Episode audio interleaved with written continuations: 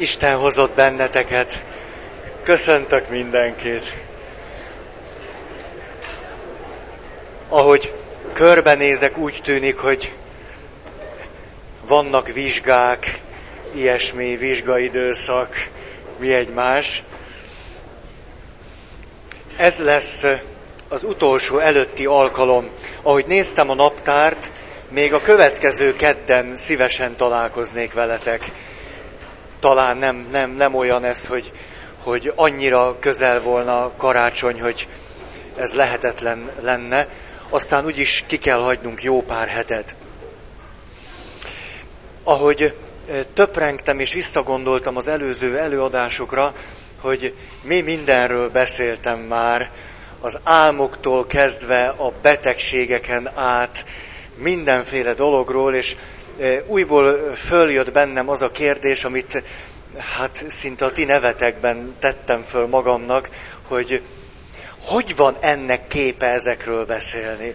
Miért nem marad a kaptafájánál?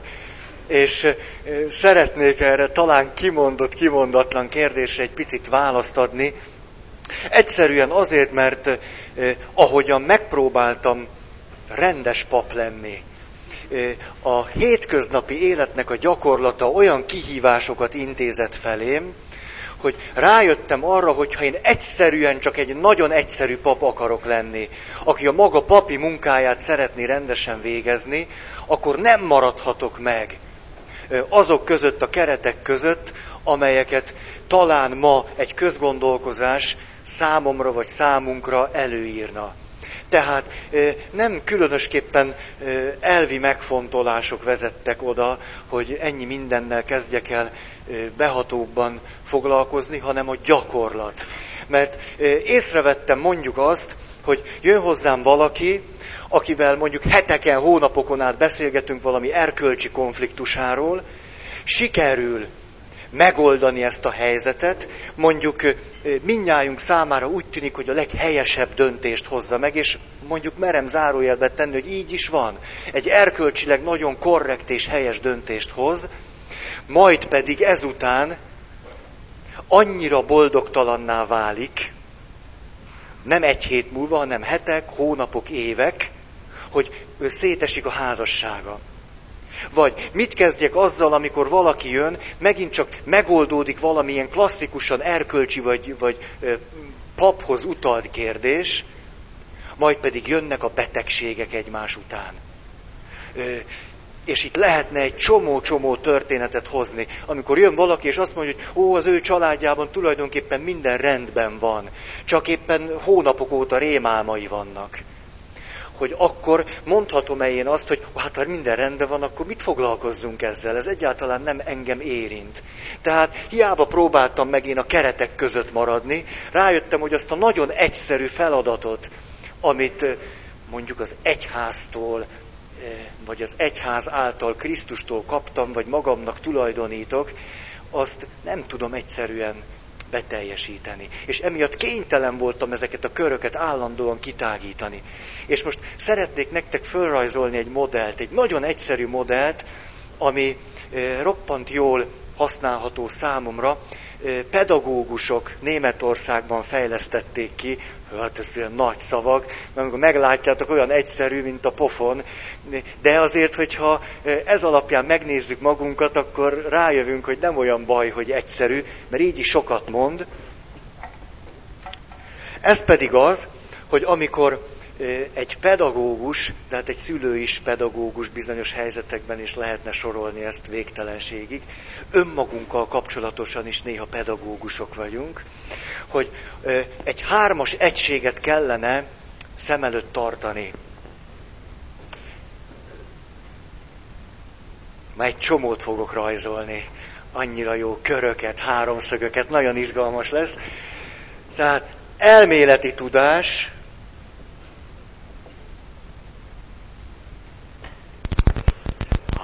Köszönöm. Gyakorlat.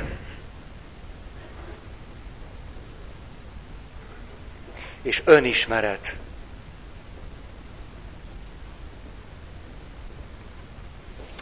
Ha igazán valamit szeretnénk közvetíteni, akkor ezt a három dolgot kellene egységben látnunk először is nekünk, és egy olyan, na, és egy olyan, mondjuk, működésmódot kialakítani, amelyben mind a három megkapja a maga helyét és fajsúlyát. Nálunk az elméleti tudás eszméletlen módon eluralkodott a többi fölött. Iszonyatos módon. A teológián ennek azt gondolom, hogy még, még a, a sokhadlagos jellegét tapasztaltam én meg. Gyakorlat szinten nulla, önismeret meg vagy van, vagy nincs. Kutya se kérdez rá, hogy van-e, vagy nincs. Én papként innen indultam el bizonyos szempontból. Persze ez egy rendszer, állandóan el lehet indulni akárhonnan, és akármerre lehet menni. De ahogy most mondtam, a gyakorlatból indultam ki, hogy nem tudtam rendesen pap lenni, ahogy szerettem volna. Ebből az adódott, hogy elkezdtem egy csomó elméleti tudást eh, magamba gyűjteni, majd egy iszonyatos hiány alakult ki, az önismeret. Lemaradt az önismeret. Emiatt elkezdtem állandóan csoportokba, meg egyéni, meg mindenféle helyzetekbe kerülni, hogy, hogy megismerjem saját magamat. És aztán kialakult egy ilyen, egy ilyen nagyon jó értelemben vett kör.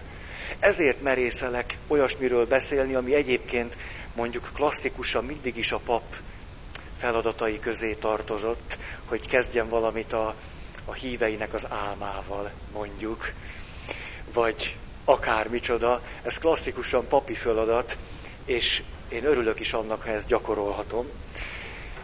Na most, térjünk vissza oda, amit ígértem nektek, hogy megnéznénk azt, hogy milyen általános következtetéseket vontak le egy olaszországi kísérlet kapcsán. Azért Olaszországban, mert Olaszországban a rendszer szemlélet és a rendszer szemléletű családterápia talán a világon a legjobb.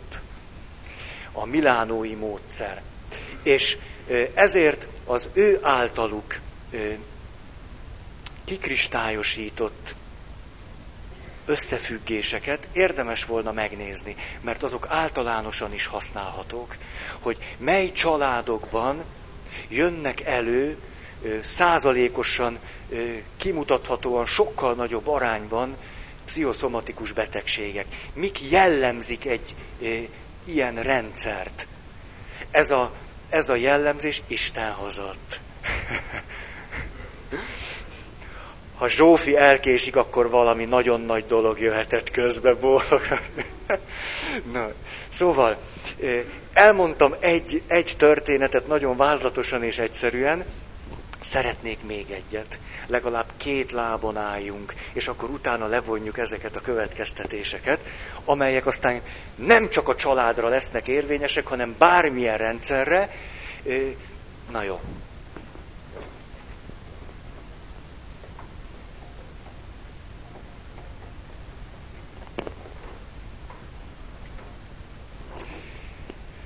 Harmincöt év körüli szülők ugye itt ül a segítő vagy terapeuta, ide leül az édesanya 35 év körül otthonban, illetve Isten hozott, amikor a, a, a gyerekek éppen nem csecsemők, akkor szakképzett ápolónő. Itt van az apuka, szintén 35 év körüli hivatalnok, itt ül rögtön az anyuka mellett a beteg gyerek. 12 éves kisfiú, és a általam oly kedvelt panasszal ül ott a széken, a Pistike, tudjátok, bepisil, bepisilős, csecsemőkora óta, az akkor még nem probléma, ugyebár, de, de ő 12 éves kora ellenére is bepisil, és mellé ül a két tesója, egy 10 éves kisfiú, meg egy 8 éves kislány, és miközben beszélgetnek, a, itt is vannak székek, Hát ugye kisgyerekekről van szó, hosszan megy a dolog, ide ücsörögnek át. A gyerek, gyerkőcök mozognak. Ő nem mozog, ő itt marad az anyukája mellett. Arról számolnak be, hogy a kisfiút egy csomószor elvitték már orvoshoz, végigjárták ezeket a köröket, végül is azt állapították meg az orvosok, két dolgot. Az egyik, hogy szervi panasz nincs, a másik majd kinövi. Ez, ez a kettő, miután ezt-azt már megpróbáltak vele. A szülők többféleképpen értelmezik a helyzetet. Van, mikor azt mondják, mi vagyunk a hibásak. Bár csak megmondaná végre a kisfiunk, hogy mit rontottunk el. Van, amikor pont az ellenkezőjét állítják, és azt mondják, a kisfiú a hibás, direkt csinálja ezt velünk. És a harmadik, amikor egyet értenek az orvosok véleményével, azt mondják, hogy különösebben sem a kisfiú, sem ők nem hibásak, majd kinövi, és ebben reménykednek. Hosszasan beszélgetnek, és a következő derül ki.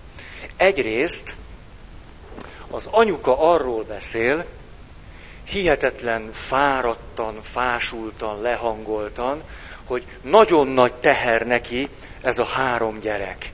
És ráadásul van egy beteg gyerek, akivel egy csomó plusz probléma van, minden nap van vele valami különös, különös rendezni való emiatt, mert nem lehet őt elvinni táborba, sokáig ott hagyni az iskolába, stb. Állandó programok. Ő ezt már nem nagyon bírja. Iszonyúan fáradt.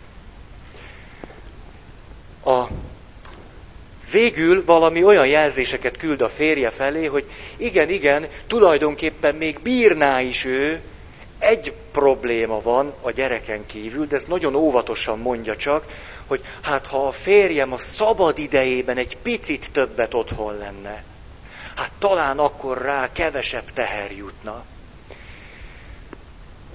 A férfi a következőt mondja, ő dolgozik a családért. Hivatalban dolgozik, reggeltől estig ül a fenekén. Hát persze, hogy amikor vége van a munkának, akkor szüksége van egy kis kikapcsolódásra. Persze, hogy hétvégén elmegy a barátaival egy kicsit vadászgatni, biliárdozni, egyebek ez egészen természetes, neki is kell az egészségére ügyelni, már csak azért is, mert ha ő lerobban, akkor ugyan ki fog keresni a gyerekekre, az ápolónői fizetésből nyilván nem fogják tudni eltartani a családot. Ahogy beszélgettek, az is kiderül, hogy van itt még egy szereplő, akit nem hívtak meg, és azért választottam ezt, mert ez egy nagyon-nagyon, már szinte így mondhatnám, hogy magyar modell, a nagymama a nagyi. Van a nagyi, akit nem hívtak meg, de akiről kiderül, hogy miután a szülők is elég fiatalok, még a nagyi egy életerős, szupernagyi, bírja reggeltől estig, a férfinek az anyukájáról van szó, és arról beszél a férfi, hogy egyébként sem érti a feleségének a kifogásait, hogy ő nem bírja, mikor ott van az ő édesanyja, aki miután megözvegyült, már nyolc éve együtt lakik a családdal. Ú, mennyi mindent tudtak, vagy nem tudom. Úgyhogy előbb-utóbb meghívják a nagyit is, mint kulcs szereplőt, és bár mindenki kulcs szereplő, és amikor a nagymama megjön, akkor változik a fölállás, mert ide ül a nagymama,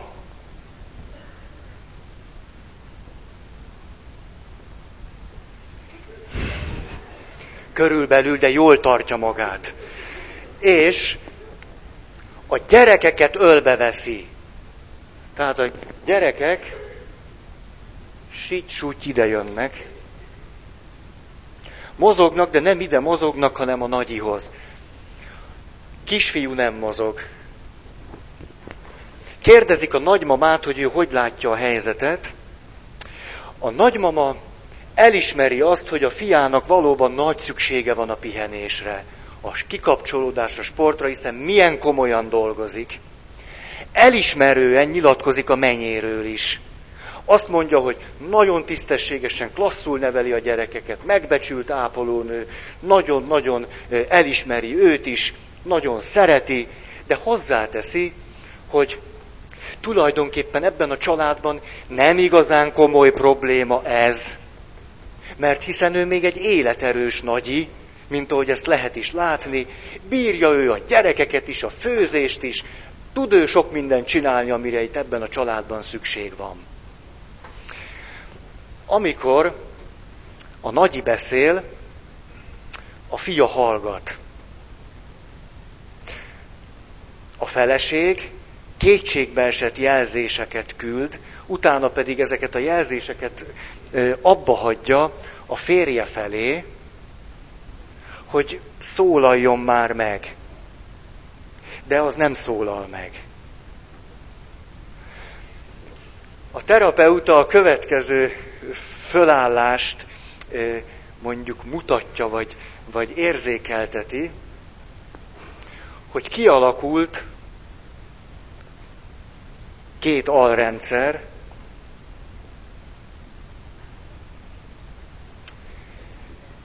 mind a két alrendszerben van egy anya, meg egy fia. Anya és fia, anya és fia. És a kisfiú a maga betegségével szövetségese az édesanyának, mert az édesanya hiába mondja a férjének, hogy ő ezt nem bírja egyedül. Neki szüksége van a férfire. Férként. Elsősorban. Férfiként. Társként. Szüksége van rá.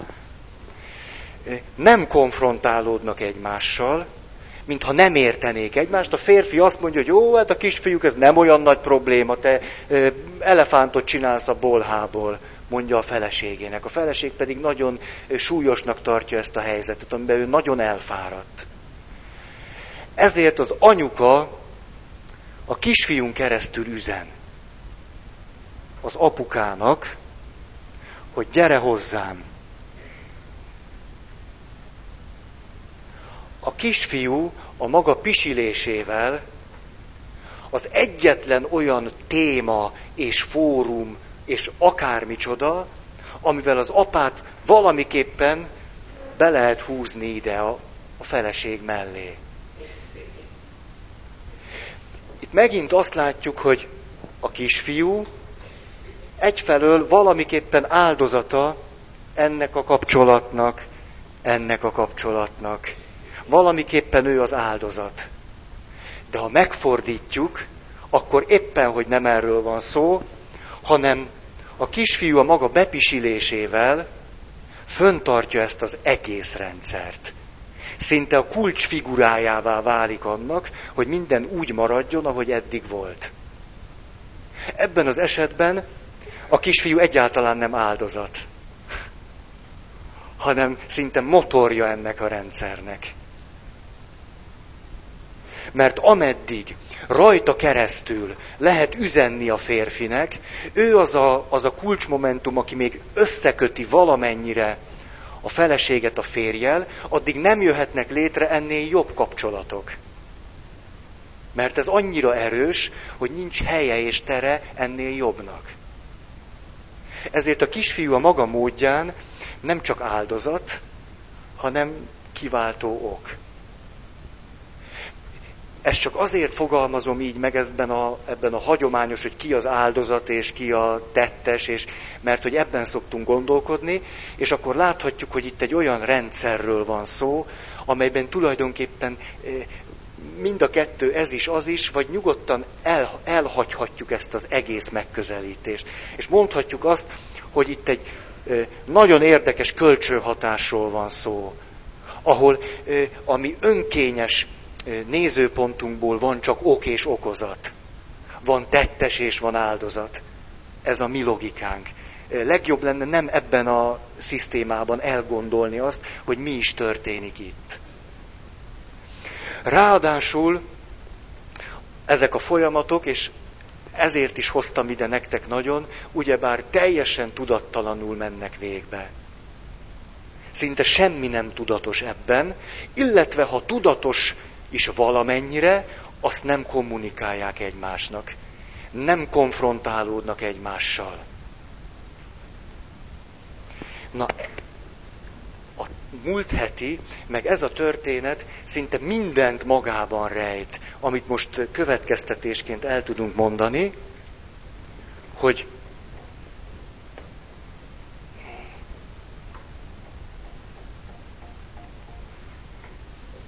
emlékeztek, múltkor talán föl is írtam azt, hogy az egésznek a homlok terében egy mítosz áll. A mi családunk egységes család. A mi családunkban nincsenek problémák. Emlékeztek, ahogy mondják a szülők, mi mindent együtt csinálunk. Mi köztünk harmónia van. Ezt nyugodtan leönthetjük egy keresztény szószal egész nyugodtan, és akkor ezek a kijelentések kapnak egy ilyen klassz, vallásos ízt. És ha a paphoz elmennek, küldött hozzám egy, ú, hát tudnék annyi mindent mondani. Ahogy néha úgy, úgy jön hozzám egy család, és akkor azt, mondjuk azt, azt mondja az, aki küldte, hogy ú, hát eh, nagyon jó fejek, végtelenül igazi keresztények, jók, minden, egy pici hiányzik. Csak egy pici. Akkor beszélgetek velük egy órát, na és az az elefánt, az a pici. Mindent elfed a szósz. Tudjátok, a ketchup, minden. Na,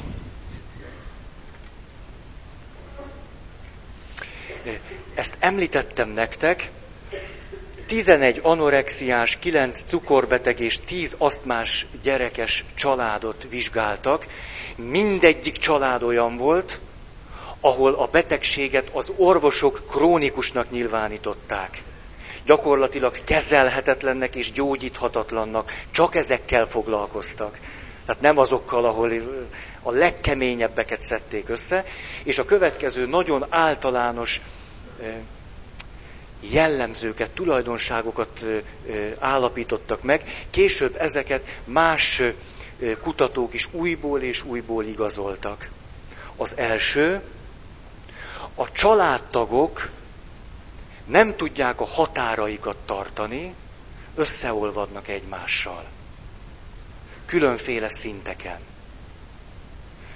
Itt ebben anya, apa, vagy mi a, a, a mama meg a fia. Abban a pillanatban, hogy meg, megjelenik a nagymama, ő nem fér lesz, hanem gyerek. Nem tud fér lenni. Itt is nincsenek meg az éles határvonalak. Túlságos bevonódás jellemzi az ilyen családokat egymás életébe. Mondjuk, hallottam nem egyszer ilyet, a családon belül nincsenek titkok. Mi mindent tudunk egymásról. Ismerős, nem innen-onnan, hanem otthonról, akkor a szomszédból. Mert hiszen mi egymás előtt ugyan mit kellene, hogy titkoljunk? Hát nincs egymás előtt titkunk fizikai jellemzői is lehetnek egy ilyen rendszernek. Például, hogy nem lehet bezárni a szobákat. A szülő bármikor rányíthat a gyerekére. A fürdőszobába bárki bármikor bemehet, akárki akármit csinál is ott. Nincs olyan hely, ahova valaki, aki szomorú, elbújhatna, hogy ott sírjon. Ha valakinek rossz kedve van, akkor összejön a családi kupak tanács, és, és kielemzik, hogy mi miatt lehet rossz kedve, majd tetemre hívják, és mondja el, hogy mi miatt van rossz kedve. Hát ők azért vannak, hogy segítsenek neki. mindent tudni akarnak egymásról.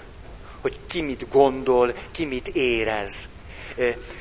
Most megint csak, hogyha a, a, a Isten hozott benneteket, hú, de pirosak vagytok. Hideg van. Na, hogy amikor mondjuk ilyen keresztény szószal van leöt, leöntve ez a, a beszámoló, akkor ezt hihetetlen szépen tudják előadni.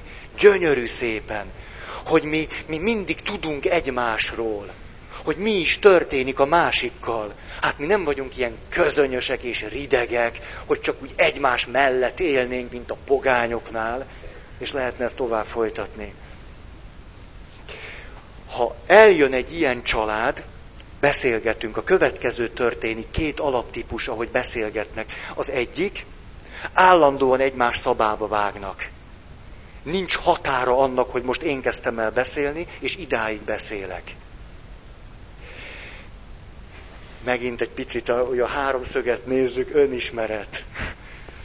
Hogy ez hogy van nálatok? Adott esetben ki vannak osztva a szerepek, az egyik többet beszél, a másik mindig hallgat, de hogyha olyan alkalom van, akkor ő is simán beleszól a másik beszédjébe.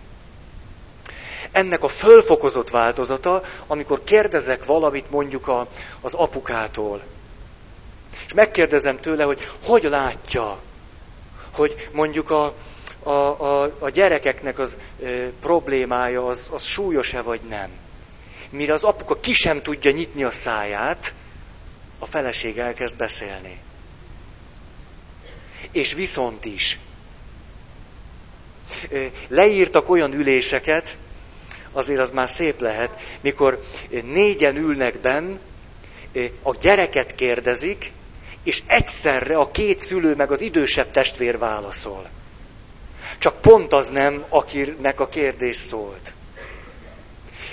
Ez egy roppant izgalmas dolog, elkezdek beszélgetni egy családdal, és az első alkalom szinte azzal megy, hogy, hogy kérdezek valakit, másik válaszol, jó, jó, jó, álljunk meg.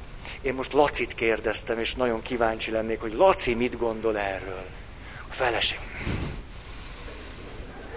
Mond néhány mondatot, és már beleszólt. Hagyom, akkor mondom, nekem úgy tűnik, hogy Laci nem tudta végigmondani, amit akar. Tehát most hallgassuk meg ismét Lacit, hogy ő ezt hogy is gondolja.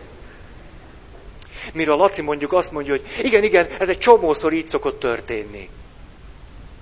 De aztán ebből semmi nem következik. Tehát legfőjebb odáig jutnak el, hogy ezt kijelentik, hogy igen, igen, ez így szokott lenni. De ez a normális. És vice versa, és így, úgy, úgy, akárhogy. Asszonyokat hihetetlenül le tudnak nyomni férfiak. Láttam ilyet, nem egyet.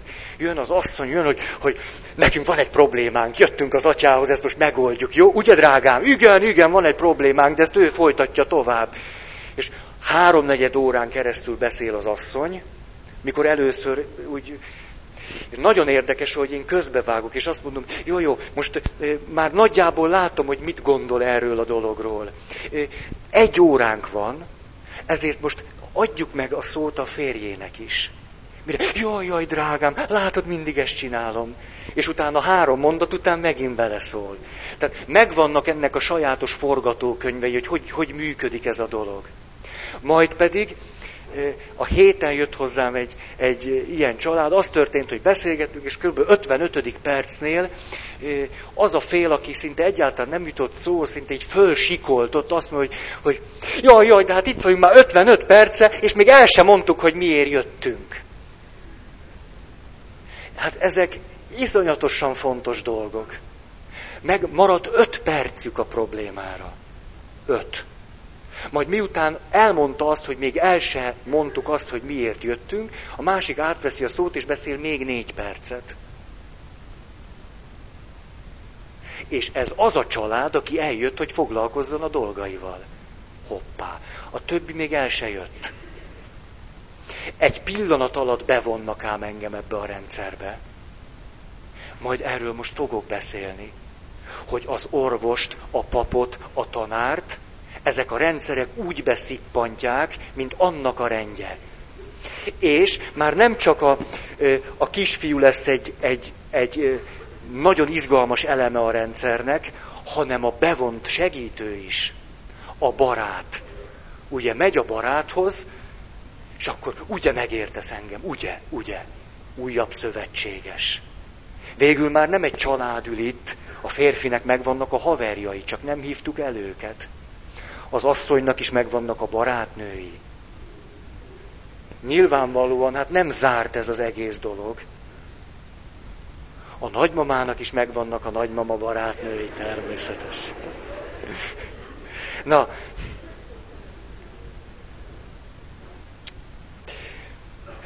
ezek a határok nem csak személyek között nagyon gyöngék, amit a kommunikáció totálisan egyértelműen jelez, hanem generációk között is. Ugye ebben a, az esetben nem nagyon lehet tudni, hogy most a nagymama nagymama, vagy édesanya. Úgy tűnik, hogy inkább édesanya, és nem pedig nagymama. Megszűnnek ezek a különbségek. De akkor a kérdésem az az, hogy a 12 éves kisfiú az, az anyukának a kisfia, vagy partnere, társa, férje, vagy kicsodája. Tehát a, a szerepek, szerepeknek a határai is teljesen elmosódottak. Simán lehetséges az, hogy egy igazi magyar nagyi, az megmaradjon nagyinak. Hogy tiszteletben tartsa a szülőknek minden ö, szabadságát, ö, na, prioritását és az összes többit és ettől ő még lehet a családnak egy nagyon szerves és aktív tagja, de megmaradt nagymamának.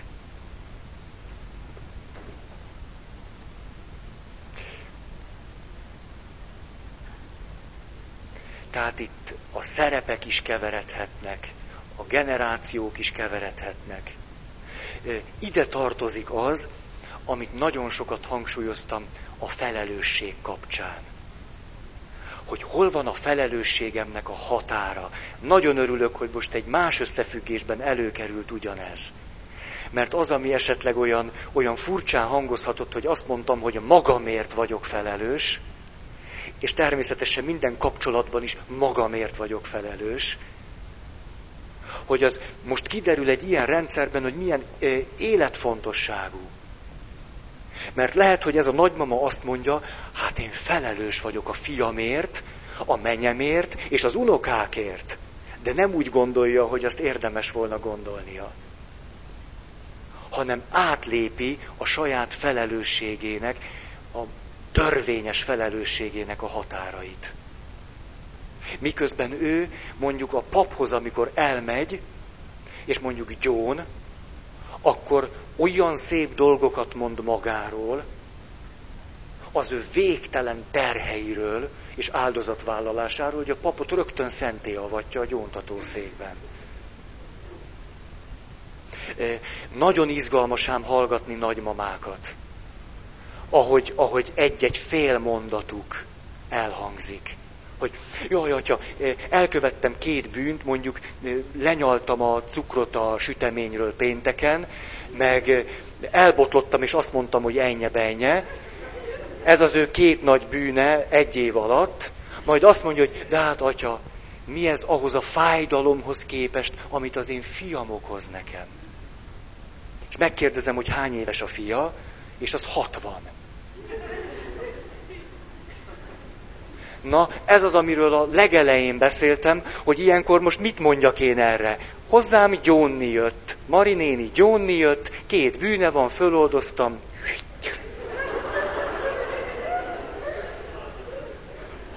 Vagy pedig legalább annyit megteszek, hogy nem erősítem őt meg a fiával szembeni teljesen illetéktelen felelősségvállalásában és hatalmi köreiben.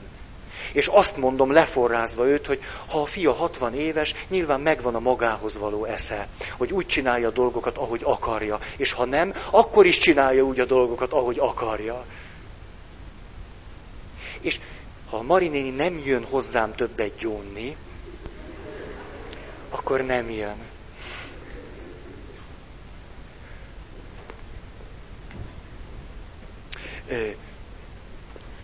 Múlt héten hallottam ezt megint csak. Egy édesanya, aki körülbelül 40-50 között van, kisírt szemekkel jön, és azt mondja, hogy, hogy az ő lánya, az olyan szeretetlen vele, hogy ő ezt nem tudja elviselni. Hogy amikor ő megszülte azt a gyereket, ő álmában nem gondolta volna, hogy majd ilyen dolgok fognak történni. És hát kérdezem, hogy mi? És kiderült az, hogy a lánya serdül. De már úgy benne van, mert éppen 18. És amikor a barátjával együtt vannak a szobában, akkor az anyuka nem megy ki. Mert hát ők egy család, nem? Hát... És a lánya odáig merészkedik a konfrontációban, hogy az anyuka a telefon mellett ült, és azt mondja neki, hogy mi van anya, telefont vársz?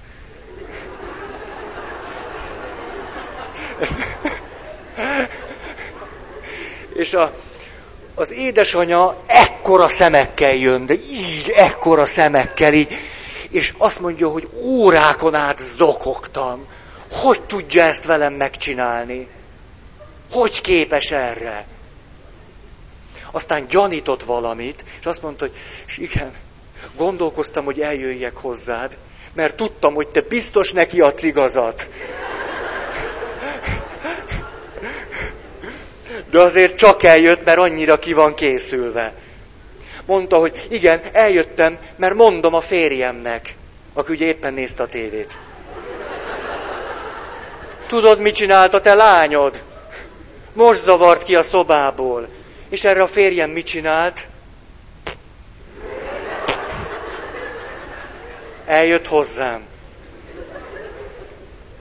Ez, hát itt, itt e, e, ebben, ebben mozgunk, ebben élünk, egy csomót tudnék erről mondani.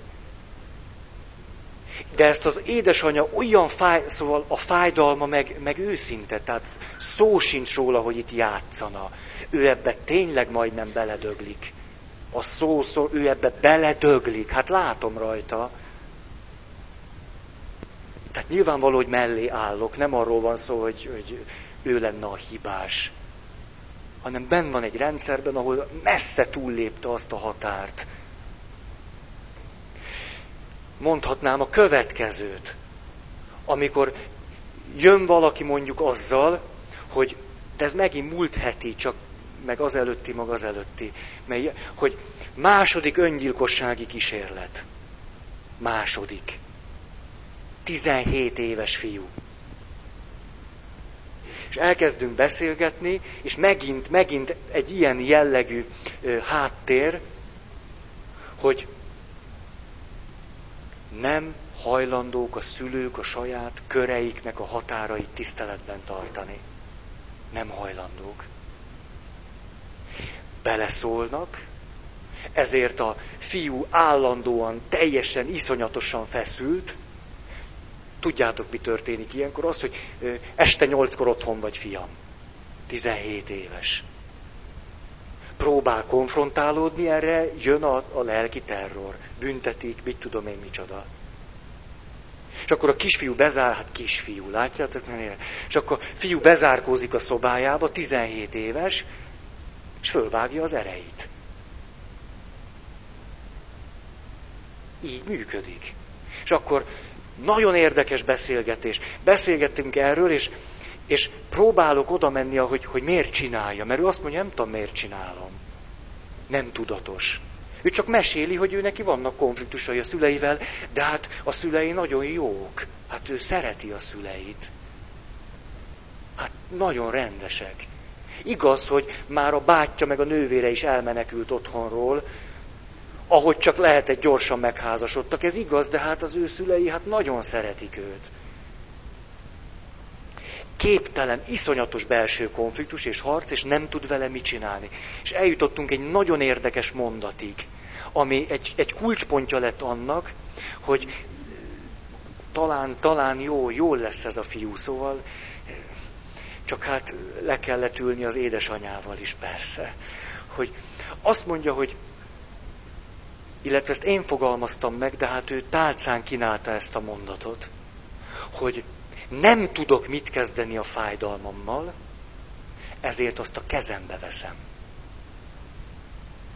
még mindig jobb, ha én okozok magamnak fájdalmat, mintha egy olyan teljesen ellenőrizhetetlen világban, amit nem tudok hol megragadni, nem tudok hol kilépni belőle, és abból jön állandóan a feszültség és a fájdalom. Inkább én magamnak. Mert azt legalább én csinálom magamnak, legalább az a kezemben van. Az üzenet megdöbbentő, legalább egy valami van az én kezemben, a saját életem, a szó szoros értelmében, mert mindenbe beleszólnak. De legalább megölni megölhetem magam. Azt legalább én megtehetem. És a szó szoros értelmében az a kezemben van. Ez a fiú nem gyógyszereket szed be mondjuk. Nem leugrik, hanem kést vesz a kezébe ahogy egy, egy pszichoszomatikus betegség is mindig valamiképpen egy nagyon sajátos nyelvi üzenetet is hordoz, Ugyanúgy az, hogy ki hogyan lesz öngyilkos, az is hordozza a maga nyelvi üzenetét arról a rendszerről, amiben ezt az illető megteszi. És ide még egy utolsó gondolatom. A, ezekre a helyzetekre, amikor nincsenek meg a határok. Ezért olyan fontos, tudom, volt, beszélgettünk többetekkel, nagyon nehezményeztétek azt, mikor, na, hogy a határaim, milyen nehéz betartani, hogy a, mikor mondtam, hogy nagyon szeretlek, egy órán van rád. És mindig vannak olyanok, akik ezt, ezt ilyen iszonyú rosszul élik meg. Azt gondolják, hogy most vagy szeretem, és akkor, akkor nincs határ. Tehát akkor ő hadd jöhessen el hozzám, és akkor beszélgessünk. De ha én azt mondom, hogy egy órán van rád, akkor én nem szeretem őt. Akkor nem, ez így nem. Majd elmegyek olyanhoz, aki ráér. Ezért olyan iszonyatosan fontos adott esetben egy ilyen helyzetben, hogy egy óra. Mert akkor vannak keretek. És rögtön kiderül ott, ott a, a fotőjben ülve, hogy az illető a kereteit nem tudja tartani.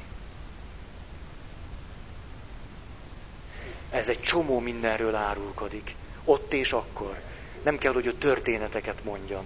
Ott zajlódik köztünk. Na, azt akartam még idehozni, hogy ez a, a határok túllépésével kapcsolatosan eh, létre szokott jönni egy úgynevezett háromszög. Ez egy másik. Ezt majd fordítva rajzolom, nehogy összekeverjétek. Szülők, mondjuk, de bárki behelyettesíthető, és a gyerek, aki hozza a betegséget, és a szülők között a konfliktus nem nyílt.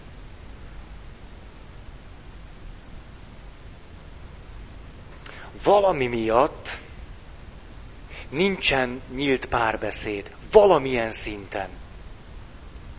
A kommunikációban, akármicsoda, hát itt akármit el tudunk gondolni. Nem mernek konfrontálódni egymással, nem mernek őszinték lenni, nem bíznak egymásban. Van egy csomó kifogásuk, panaszuk, fájdalmuk, de ezt vagy nem fejezik ki, vagy kifejezik, de a másik nem fogja föl. Ez is tipikus. Mondja az egyik, és mondja, és mondja, és már az ötödik percben értettem legalább azt, hogy mit mond. És a férje nem érti. Eltelik az egy óra, és egyetlen fél mondata sincs, amivel közvetíteni, vagy közölni, hogy fölfogta azt, amit a feleségem mond. Ezt gyakran láttam férfiaknál. Főleg értelmiségieknél. Azért, mert hogy, hogy mi van lejjebb, az egy másik. Vannak, vannak különbségek, kulturális különbségek, de ahol elég jó a verbális készség egyébként, tehát ki tudnák fejezni, ki is fejezik, tudnak is beszélni. A feleség érti a dolgokat, a férfi nem. A kö, saját, saját zárt világában mozog. Nagyon-nagyon tipikusnak találom, tipikusnak. És akkor az történik, hogy kell valaki, aki ezt a nem működő kapcsolatot, ami az alapja egyébként a családnak, vagy a házasságnak, összeköti. És ez lesz a gyerek. És pontosan úgy működik, mint ahogy a tudattalanról beszéltünk, hogy az nem válogat a módszerekben. Abból a szempontból, hogy ez most jó, vagy nem jó, vagy nem tudom micsoda, elvégzi a dolgát. Szükség van annak a mítosznak a föntartására, hogy itt van kapcsolat, sőt nem csak kapcsolat van, hanem egy hihetetlen harmonikus keresztény kapcsolat van. És a kisfiú ezt a kapcsolatot, ezt a látszatot, ezt a mítoszt föntartja. Az egész folyamat nem tudatos. De a bebisilésével, az asztmájával, az anorexiájával, akár cukorbetegségével, akár micsodájával föntartja. Azt, hogy úgy tűnjön, hogy hát itt tulajdonképpen minden rendben van, kivéve egy dolgot, magát a kis embert, aki beteg. Persze, beszélhetnénk olyan rendszerről is, ahol a gyerekek egészségesek és a szülő beteg. Hát persze. Tehát ezek, ezek ebből a szempontból önkényes, önkényes dolgok, hogy honnan indulunk el.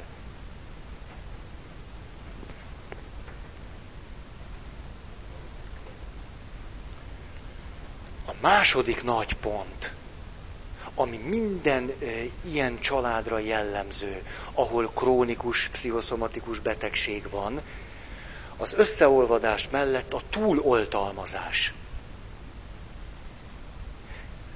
Tipikusak ezek persze. Ahogy az asztmás gyerekről emlékeztek, ahogy, ahogy mindenki azt, hogy jaj, a beteg, és a, a papa is viszi, és a mama is viszi. És ugye itt, itt érnek össze a dolgok az asztmás kisfiú becsukhatja a gyerekszobának az ajtaját? Nem. Mert az anyuka hallani akarja, hogy veszi a levegőt. Adott esetben ezt így meg is fogalmazza.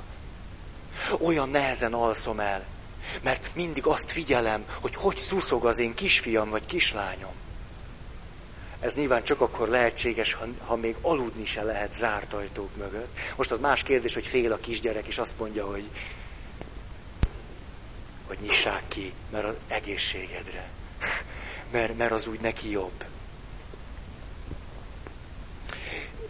Ilyenkor látszólag, de valóságosan is tulajdonképpen nagyon érdeklődnek egymás iránt a családtagok. Érdeklődnek. Védelmezik egymást. Egy ilyen család éppen azért, mert hajlamos a zárt rendszerré levésre, majd ide el fogunk jutni, végül egy ilyen eszméletlen erős köteléket alakít ki, persze egy sérült köteléket a családtagok között, és szinte képesek teljesen kizárni a külvilágot.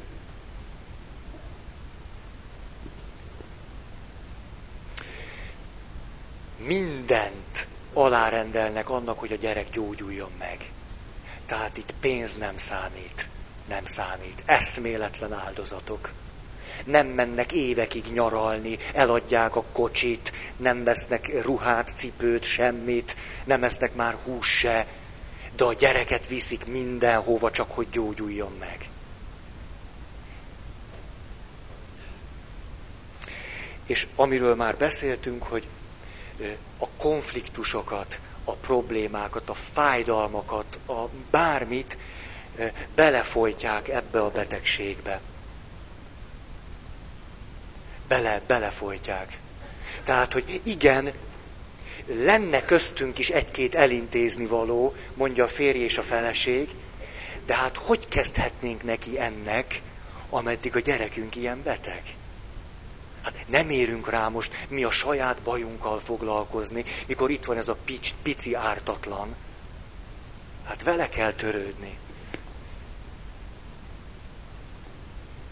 Tehát a család oltalmazza a beteget, a beteg oltalmazza a családot. A beteg a betegsége révén foglalkozik a családdal. A harmadik, ez is nagyon fontos, merevség. Merevség. Ha vannak pszichoszomatikus tüneteitek, merevség ez szinte a leg, leginkább aláhúzandó dolog. Nem gondolkodtok-e nagyon mereven. Ezt is el lehet rejteni, szuper jól. Lehet egy nagyon aktív ember is végtelenül merev. Ez simán, simán össze, össze, össze. Emlékeztek ezekre, hogy, hogy elképzelem azt, hogy ki lesz a férjem. De iszonyú precízen és pontosan. És hogy hogy fog fölhívni telefonon, és mit kell mondania, és hogy kell elbúcsúznia, és mit kell magára vennie. Iszonyatos merevség. Minden, minden, minden viszonylatban eszméletlen merevség. Majd az ilyen valaki fiatalon összeszed egy-két jó komoly betegséget. Azt mondja, hogy eddig is boldogtalan voltam, és tessék, az Isten még engem büntet. Ez a paphoz így szoktak jönni. Olyan lehet, hogy ez persze az én hülyeségem, görcsbe rándul a gyomrom, mikor hallom ezeket a típus mondatokat, hogy én, aki áldozatul adtam az életemet, miért pont én lettem ilyen beteg? Hát pont azért. Vagy én, aki nem akartam leadni egy picit se, én egy igazi keresztény férfire vártam. És pont én, nekem csak ennyi jut. És tük, tük, tük, tük, tük, tük.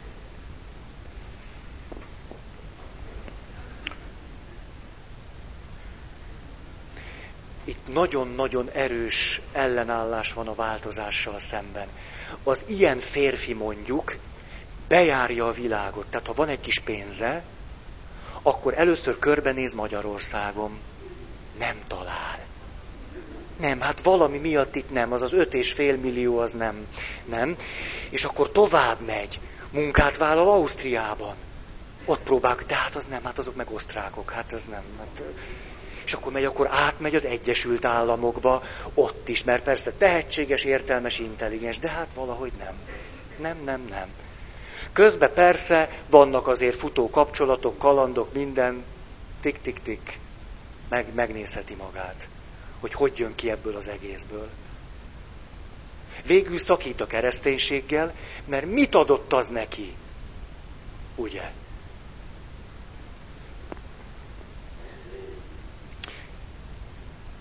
Oké. Okay. A negyedik, amiről megint csak beszéltünk, krónikus konfliktus kerülés. Nincs, nincs ütközés. Vagy ha van, utána rögtön rohannak bocsánatot kérni. Na ez is tipikus. Teljesen. Mo- mondtál három mondatot, egy, egy, egy picit kifakadtál, de csak egy kicsit, mert már a gyomrod ilyen, mint a cseresznye mag akkora volt. És utána bemész a szobába, és hogy tehettem meg a férjemmel? A fél, hogy csinálhattam ezt? Adventben. Pont advent. És akkor jön, és akkor ez, ez nem az, hogy egy évente jó, mert mi bűne van neki, hanem jön első pénteken, hogy vasárnap gyóntam utoljára, de hát amit én otthon rendeztem. Hát mit rendezett? Hát sírva fakadtam. Hát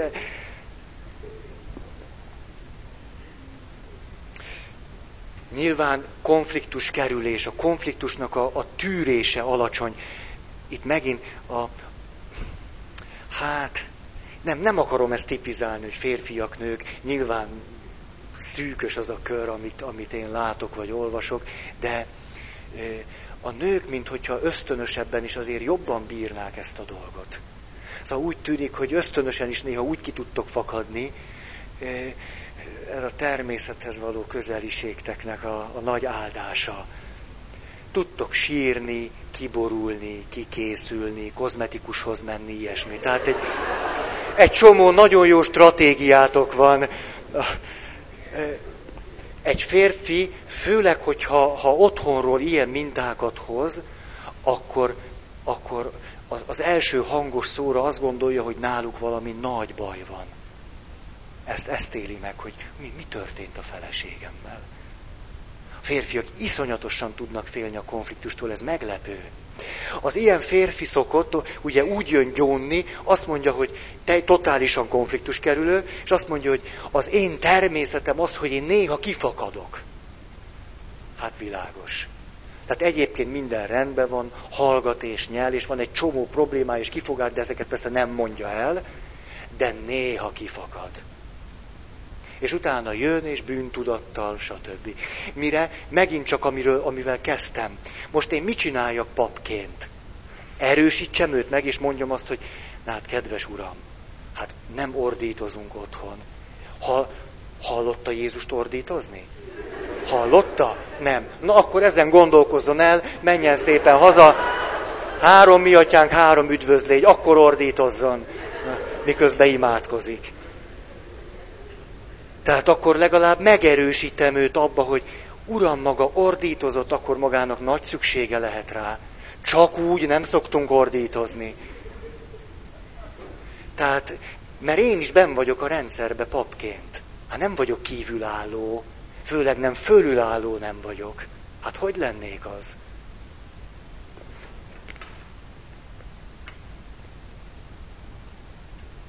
Igen, és hát egészen eljuthatunk oda, hogy, hogy amikor növekszik a feszültség, akkor föllép a betegség. Egy nagyon érdekes kísérletet végeztek, mérték a vérnek a nem tudom én miét. Valamit, de nagyon mértek folyamatosan. És a következőt csinálták, hogy a, fé, a apuka és anyuka beszélgettek a zárt szobában, és üvegfal mögött a gyerekek nézték a konfliktusukat. Megint csak ö, ö, cukorbeteg gyerekek, tehát pszichoszomatikus betegség krónikusnak nyilvánított. Ráadásul ebben a családban két gyerek volt, és mind a kettő cukorbeteg. Az egyik kezelhető, a másik kezelhetetlen minősítést kapott. És mérték ö, azt a valamit, ami egyértelműen mutatja, hogy a feszültség, az érzelmi feszültség, az mekkora a szervezetben. Kiderült az, most csak így nagyjából rajzolok, hogy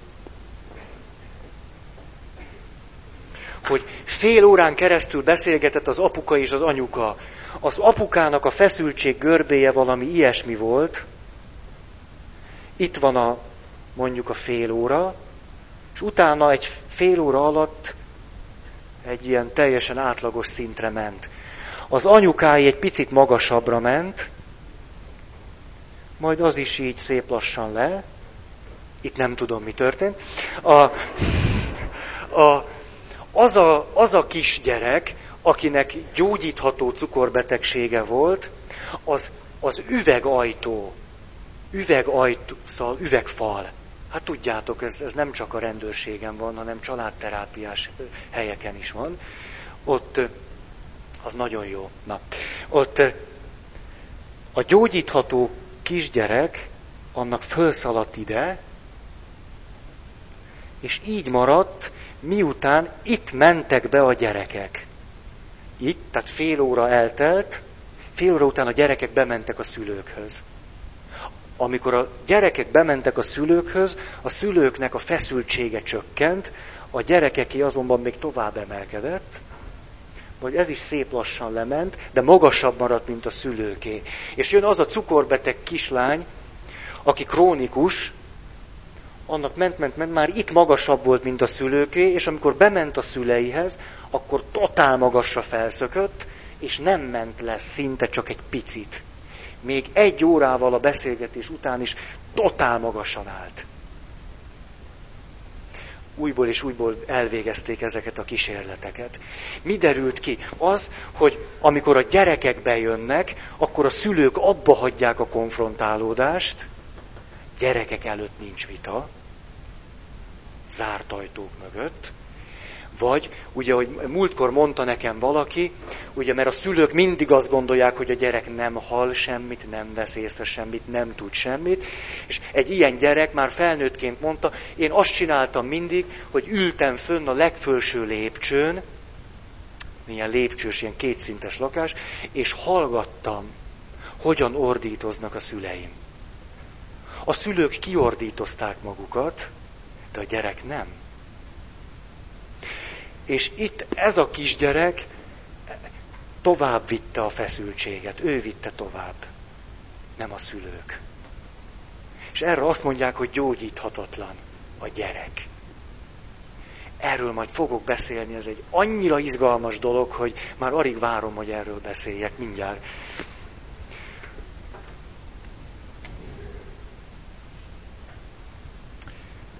Papok is tudnak ilyenek lenni. Hihetetlen konfliktus kerülők tudnak lenni papok. Bennünket a papnevelő intézetben szinte rá neveltek arra, hogy kerüljük a konfliktusokat. Egy iszonyatos erkölcsi nyomás nehezedett ránk, hogy ne legyenek konfliktusaink. A, ú, most már mindig eszembe jut valami, de mindegy, elmondom. A, abban az indoklásban, amivel kirúgtak engem a papnevelő intézetből, szerepelt az is, hogy görög katolikus papnövendékeket ütlegel. Ezt mondtam? Pedig, pedig.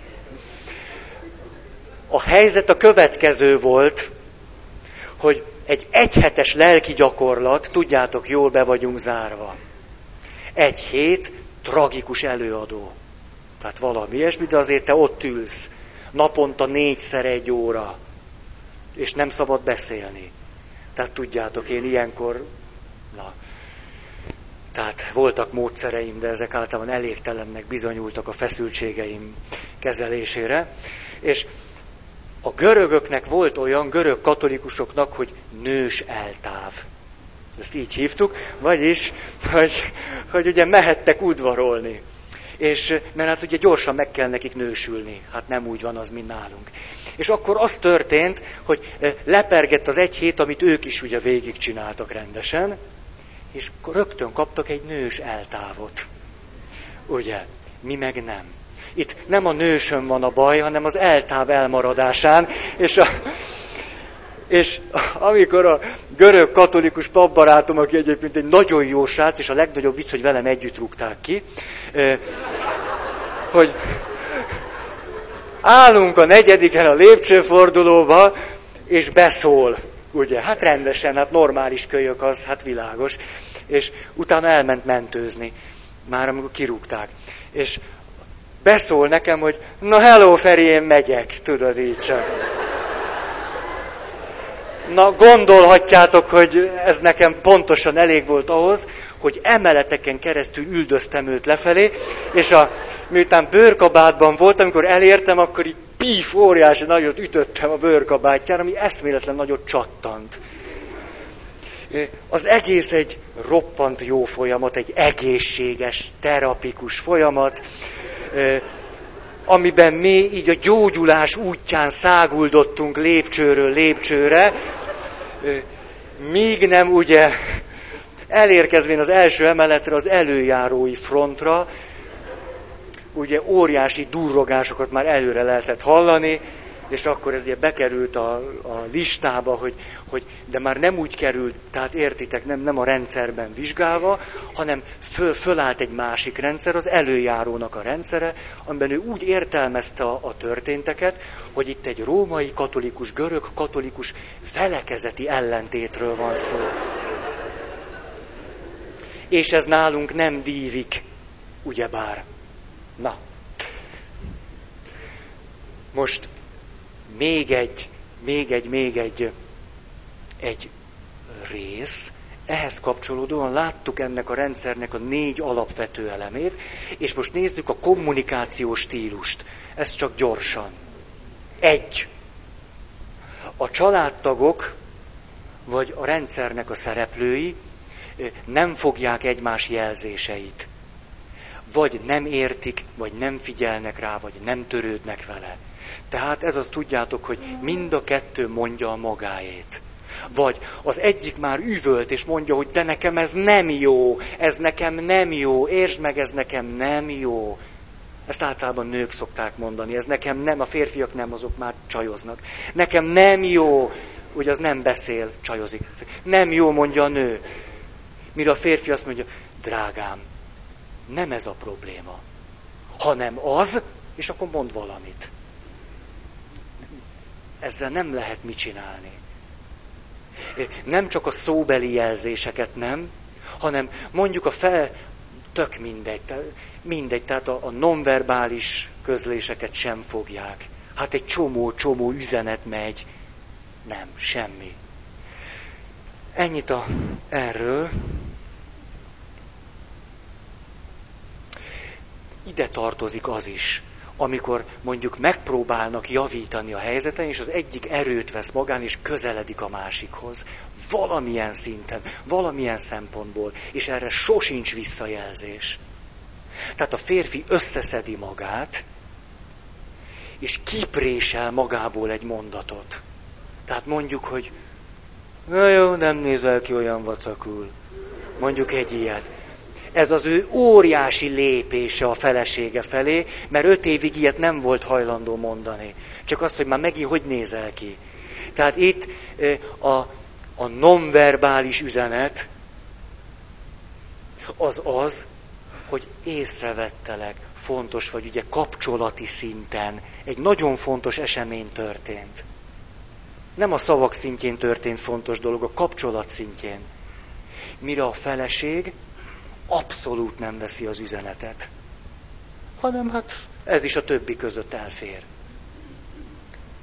A másik, a szerepnek megfelelő vezető szerep vállalása nem nyílt. Tehát nincsen az, hogy az apa azt mondja, hogy. Vagy adott esetben az anya azt mondja, hogy. Hanem ilyen adott esetben egy ilyen áldemokrácia létezik. Ez nagyon. Én nekem úgy meg tud fájdalni, fájdulni a gyomrom, iszonyatos érzékeny műszer, egy ilyen áldemokratikus lég. Minden meghallgatjuk egymást, mosolygunk. És te hogy gondolod? És ne, ne döntsük még el. Nem, nem, nem. Igaz, hogy ott a püspök is, de nem, hát, nem, hát, nem, hát majd most megbeszéljük, és szép, és órákon keresztül. És miközben a püspök pontosan tudja, hogy már is döntötte, hogy mi hogy lesz. De nem jössz, ezt megbeszéljük. De nem vállalja nyíltan ez, ez, ez, tudjátok, ez még rosszabb, mint amikor egy ilyen abszolút direktív irányítás van. Mikor megkérdeznek téged. És közben kiderül, hogy az egész le volt zsírozva. Na, ilyenkor a gyomor. A harmadik, és ez nagyon érdekes, ugye itt volt ez a háromszög, hogy volt? Így. Hogy az a fajta konfrontáció, hogy ketten szövetséget kötnek egy harmadik ellen, nyíltan nem mehet végbe. Ez tipikus kommunikációs eleme az ilyen rendszereknek.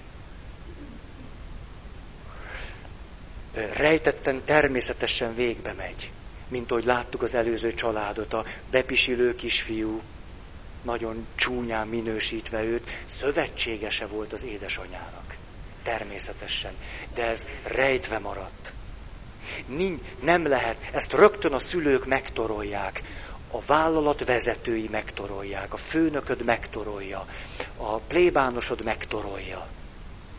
Amikor te azt mondod, hogy mondjuk, hogy van itt néhány, néhány civil, néhány hívő, és mi azt gondoltuk, hogy jobb volna másképp, mint hogy a plébános atya gondolja.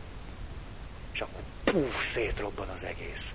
Itt ilyen, tehát ilyen, ilyen szóba se jöhet. És kinyírja a civileket. Négy év múlva már nincsenek a képviselőtestület tagságában benne. Mert merészeltek az ő elgondolása szerint szövetkezni a káplánnal. Hm?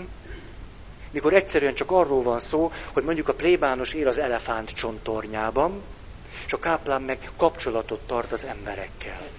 Tehát mondjuk adott esetben képes valamit elmondani a főnökének, hogy mi hogy volna jó.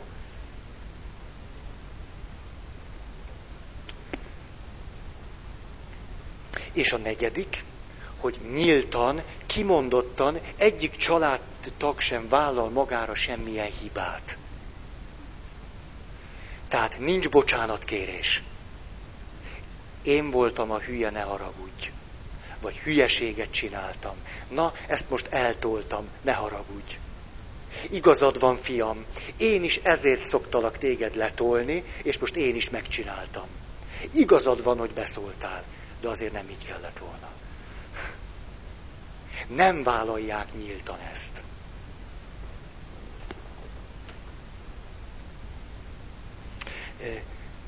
Ezt megint szépen el lehet fedni azzal, hogy hát mindennek megvan az oka. Hát érthető. Érthető, hogy te miért csináltad ezt. Az is érthető, hogy én miért csináltam ezt. Igazából a magam felelősségét nem vállalom. És ezt nem fejezem ki. Vagy ha vállalom is, nem teszem nyíltá. Ez a egyházunknak egyik nagy rákfenéje.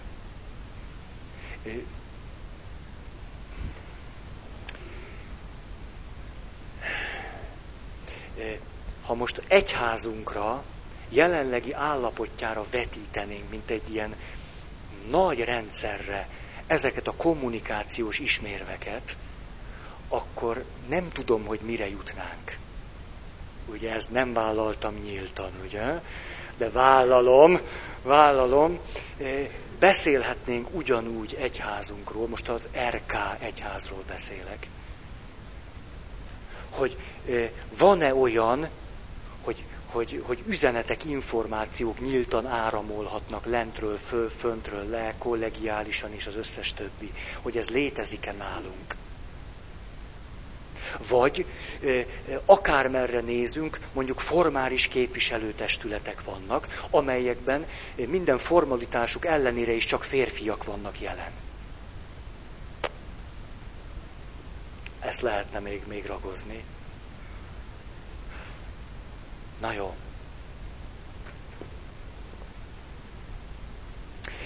Ezért az egyház is működhet szinte megbetegítő rendszerként. Elősegíthet pszichoszomatikus megbetegedéseket. Nem csak a család, mert nézhetünk egy, egy, egy nagyobb kört is természetesen. Fú, elment az idő. Kaptam egy nonverbális jelzést, és nem hagyhatom figyelmen kívül. Szóval,